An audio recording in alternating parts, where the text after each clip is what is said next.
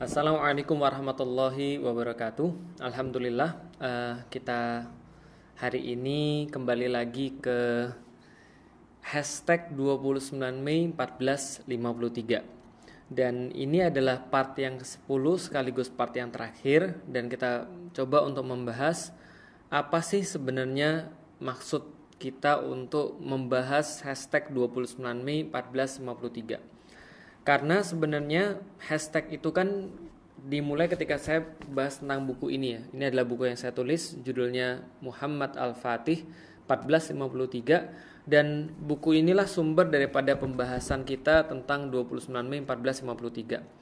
Dan teman-teman semua sudah paham bahwa hashtag 29 Mei 1453 ini adalah bercerita tentang seorang pemuda yang bernama Muhammad Al-Fatih Muhammad Al-Fatih ini adalah seorang pemuda yang ringkasnya e, membebaskan kota Konstantinopel lalu kemudian meraih gelar Al-Fatih yaitu penakluk pembebas Sese seseorang yang menunaikan janji Rasulullah Shallallahu Alaihi Wasallam ketika Rasul masih hidup lalu mengucapkan hadis ini kepada uh, para sahabatnya. Dan itu terjadi pada tanggal 29 Mei 1453 yang belum uh, menyimak tentang hashtag ini silahkan cari di podcast atau cari di uh, YouTube. Ada 9 seri sebelum seri yang ini. Berarti seri ini adalah seri pamungkas yaitu adalah tentang uh, apa sih yang bisa kita maknai daripada 29 Mei 1453 sebelumnya teman-teman sekalian saya pengen sedikit uh, menyampaikan dulu curhat dulu sebenarnya ketika saya nulis buku ini Muhammad Al-Fatih 1453 buku ini bukan saya tulis untuk menceritakan kisah Muhammad Al-Fatih. Secara khusus bukan. Tapi buku ini lahir daripada sakit hati. Nah, jadi sakit hati saya ketika saya memberikan kajian, ketika saya memberikan sharing tentang Islam, membicarakan tentang kebangkitan Islam, maka orang bilang nggak mungkin, mustahil, itu sesuatu yang ya sulit dibayangkan. Bagaimana mungkin Islam akan kembali tegak? Gak bisa. Orang Muslim itu di mana-mana terpecah. Mereka itu di mana-mana berantem sendiri. Jangankan mau bersatu. Awal dan akhir Ramadan aja mereka saling ribut, gontok-gontokan. Mereka nggak akan bisa bareng-bareng. Islam tuh sudah sudah masanya udah hancur, nggak akan mungkin balik lagi, nggak mungkin bangkit lagi karena kesal itu, karena saya stres itu, maka jadi buku ini. Jadi buku ini adalah hasil daripada sakit hati sebenarnya. Sakit hati kenapa? Karena saya pengen membuktikan, saya pengen menunjukkan bahwa apa pun yang Rasulullah Shallallahu Alaihi Wasallam sampaikan itu pasti benar. Itu inti daripada buku ini. Maka buku ini sebenarnya adalah buku yang kita rancang untuk menunjukkan bahwa ketika Rasulullah Shallallahu Alaihi Wasallam sudah menyampaikan sesuatu, maka sesuatu itu pasti akan terjadi. Maka inilah kisah Muhammad Al-Fatih. Jadi kisahnya di situ sebenarnya. Ketika Muhammad Al-Fatih mengerahkan seluruh energinya, tenaganya, meyakini janji Rasulullah Sallallahu Alaihi Wasallam, latuf tahan al Konstantinia, fala ni'mal amiru amiruha, wala ni'mal jaishu zalikal jaish, maka dia bisa membebaskan kota Konstantinopel. Dan kita sudah tahu keren banget, istimewa banget ketika kota itu sudah dibebaskan oleh Muhammad Al-Fatih, ini adalah puncak daripada keyakinan dia pada Rasulullah Sallallahu Alaihi Wasallam. Nah, dalam buku ini itu yang pengen saya bahas. Apa yang saya bahas? Pengen saya bahas. Yang pengen saya bahas, yang pengen saya sampaikan bahwasanya pembebasan kota Konstantinopel itu bukan terjadi pada tanggal 29 Mei 1453 tapi terjadi ketika Rasulullah Shallallahu Alaihi Wasallam mengucapkan hadis latuf tahanal Konstantiniyah fala ni'mal amiru amiruha wala ni'mal jaishu zalikal jaish 825 tahun yang lalu. Itulah sebenarnya masa ketika terjadi pembebasan Konstantinopel. Kenapa bisa begitu? Karena Rasul nggak mungkin bohong. Karena Rasul nggak mungkin nipu. Karena setiap yang keluar daripada lisan Rasulullah Shallallahu Alaihi Wasallam itu pasti sebuah kebenaran.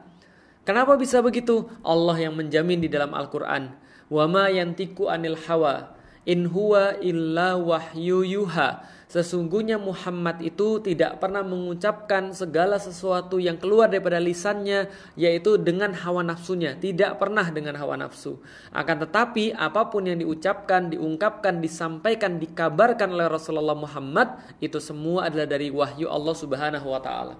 Maka siapa pun yang meyakini Al-Qur'an, siapa pun yang meyakini kebenaran eh, kebenaran firman Allah Subhanahu wa taala, maka menjadi kewajiban bagi dia, menjadi sesuatu yang wajar bagi dia ketika dia meyakini ungkapan, ucapan, kabar daripada Rasulullah sallallahu alaihi wasallam. Itulah namanya nubuah. Itu yang pengen saya jelaskan.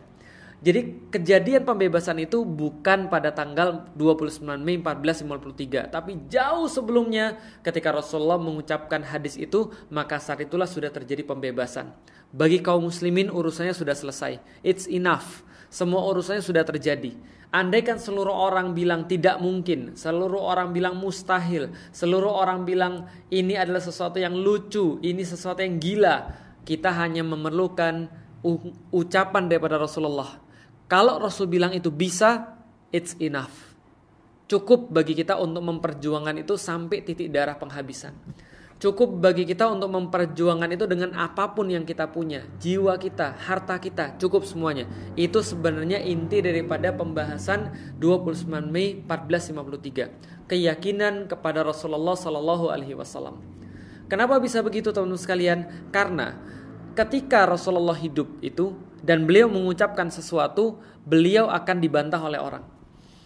Orang-orang bilang Rasulullah gila, Muhammad gila. Kenapa? Karena Rasulullah mengucapkan sesuatu yang tidak bisa masuk dalam logika, apalagi dilihat oleh mata. Ini nggak mungkin, ini mustahil, nggak bisa. Tapi Rasul bilang bisa. Mereka bilang gila kamu. Kenapa? Mereka nggak bisa membayangkan. Dalam impian terliar mereka pun tidak bisa. Kenapa tidak bisa? Karena mereka terbatas pada mata dan terbatas pada logika. Sedangkan mata dan logika ini sering Allah uh, kritik di dalam Al-Quran. Ya'lamuna zahiran minal hayati dunia. Misal Allah sampaikan, kadang-kadang manusia itu suka terjebak dengan matanya.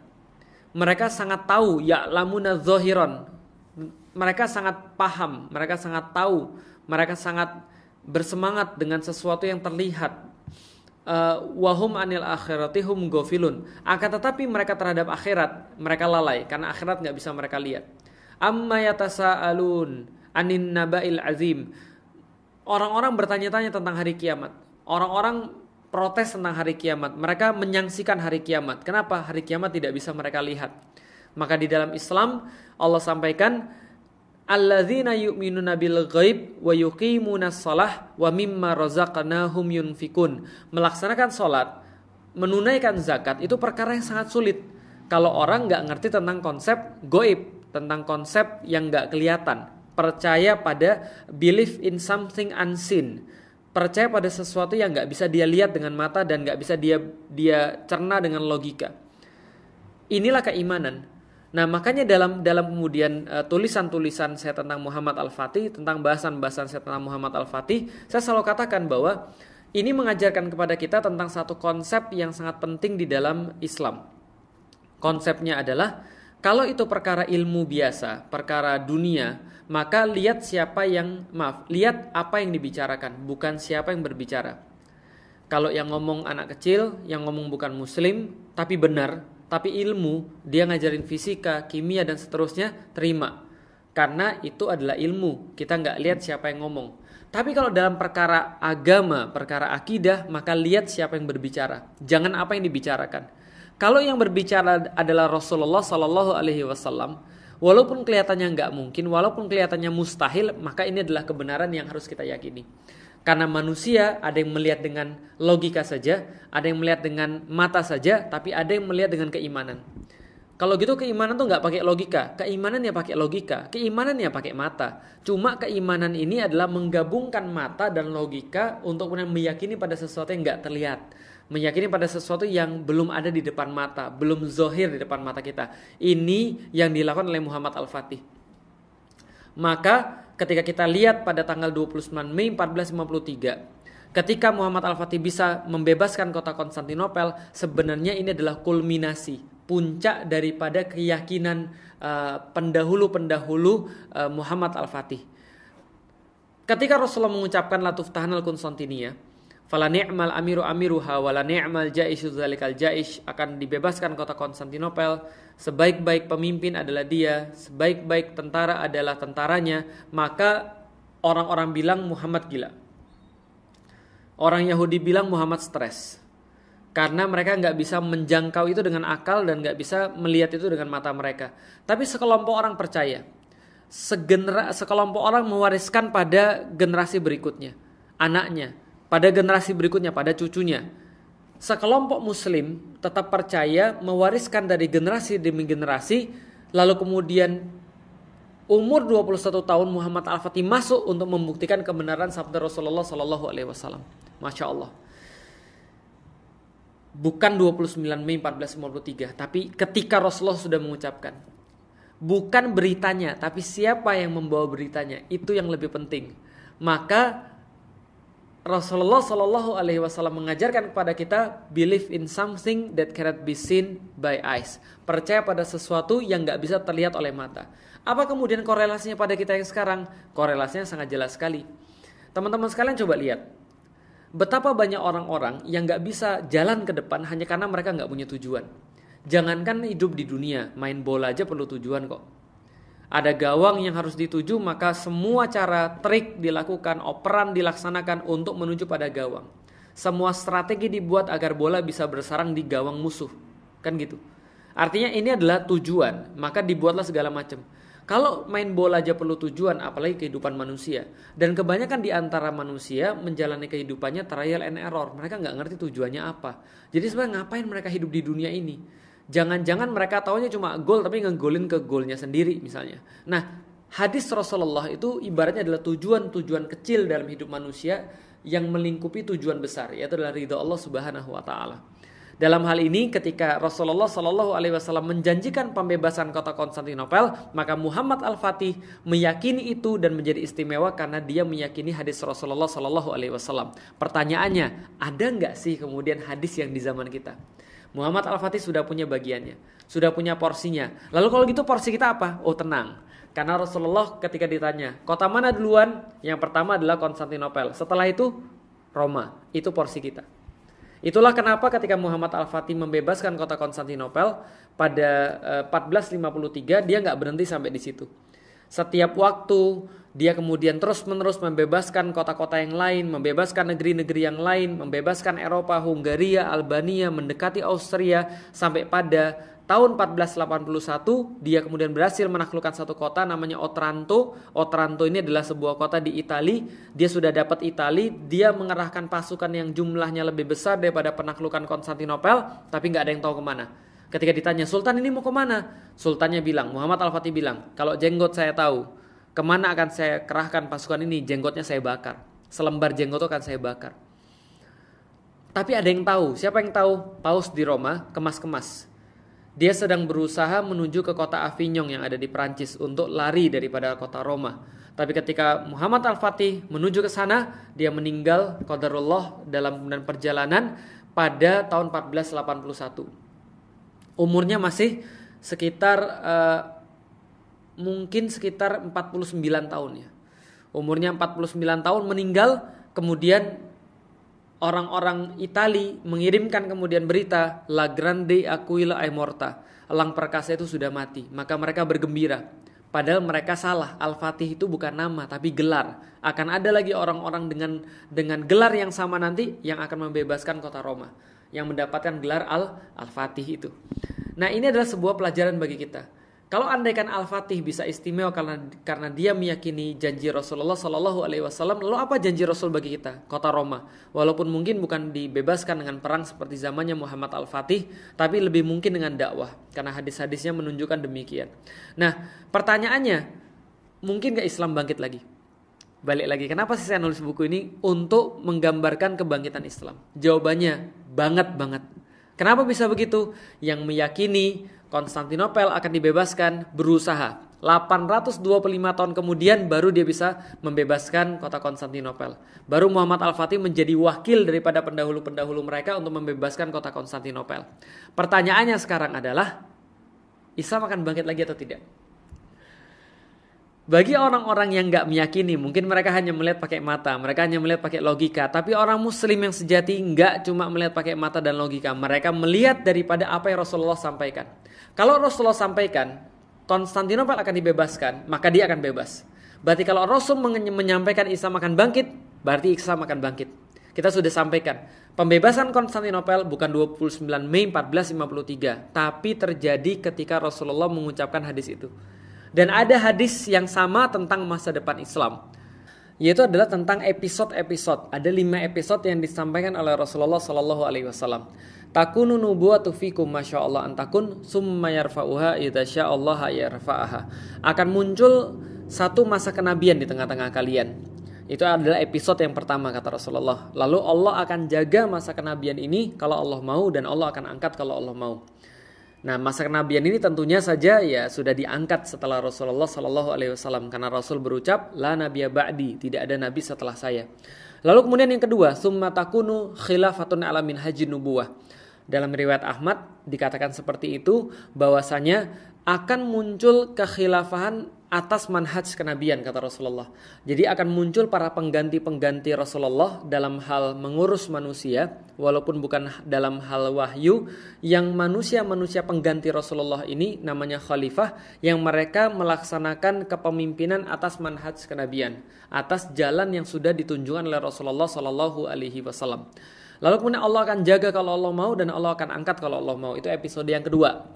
Episode yang ketiga, summa takunu mulkan aldon akan akan kemudian muncul kerajaan yang bersifat menggigit. Nah, dari beberapa informasi yang saya kumpulkan, kerajaan yang bersifat menggigit ini sudah berganti daripada kekhilafahan. Artinya kekhilafan ini tidak lagi murni sehingga digantikan oleh kerajaan-kerajaan. Kerajaan-kerajaan ini dia tidak murni menerapkan Islam, tapi dia masih menggigit syariat. Dia masih menghormati syariat, dia masih menggigit aturan-aturan Allah Subhanahu wa taala. Maka ini adalah episode yang ketiga. Allah akan jaga kalau Allah mau dan Allah akan angkat kalau Allah mau. Setelahnya Allah sampaikan lewat rasulnya, "Summa takunu mulkan jabriyah." Ketika itu muncul kerajaan yang bersifat diktator. Nah, ini lebih buruk daripada kerajaan yang sebelumnya karena kerajaan yang sebelumnya masih menggigit aturan-aturan Islam, masih menggigit syariat Allah, namun kerajaan yang ini sudah seenaknya sendiri. Mereka diktator, mereka memaksa, mereka menimbulkan banyak sekali kerusakan. Setelah itu yang kelima, summa takunu khilafatan alamin hajin nubuwah. Akan muncul kemudian kekhilafahan yang persis seperti episode yang kedua, berlandaskan atas manhaj kenabian. Ini diriwayatkan oleh Imam Ahmad dan uh, disahihkan oleh beliau dan ini adalah bagaimana tentang masa depan Islam, kebangkitan Islam yang pasti nyata. Pertanyaannya, akan terjadi atau tidak? Ya bahasanya sudah kita bahas.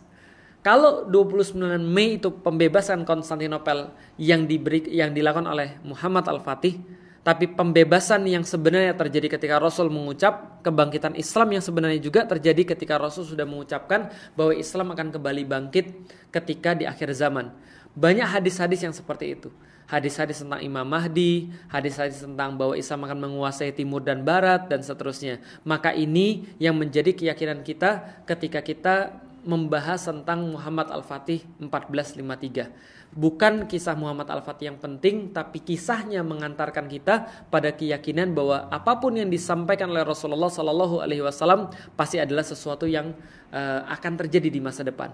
Tugas kita meyakini janji itu, berbuat yang terbaik, kemudian mendapatkan bagian dan kemuliaan daripada janji itu.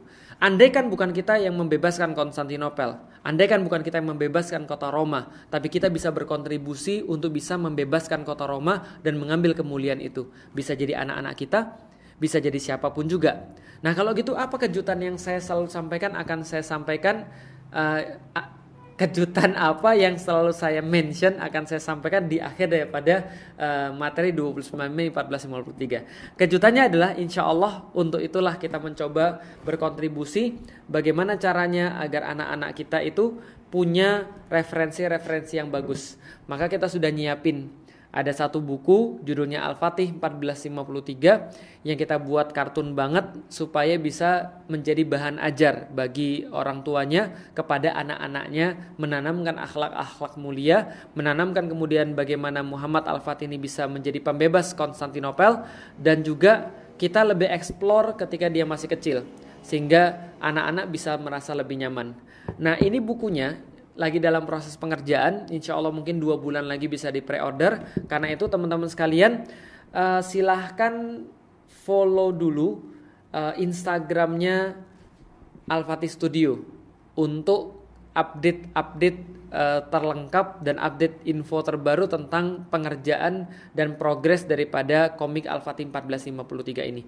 Nah, kita berharap mudah-mudahan ini menjadi kontribusi kita uh, kepada kebangkitan Islam, kepada Eh, anak-anak uh, muda generasi muda yang kelak nanti akan menjadi pembebas kota Roma. Yang jelas adalah teman-teman sekalian inilah yang pengen kita sampaikan. Setiap kata-kata Rasulullah pasti benar. Maka bagi orang beriman tidak tersisa pada mereka pilihan kecuali untuk meyakini setiap yang disampaikan oleh Allah dan Rasulnya. Mudah-mudahan membantu. Makasih. Assalamualaikum warahmatullahi wabarakatuh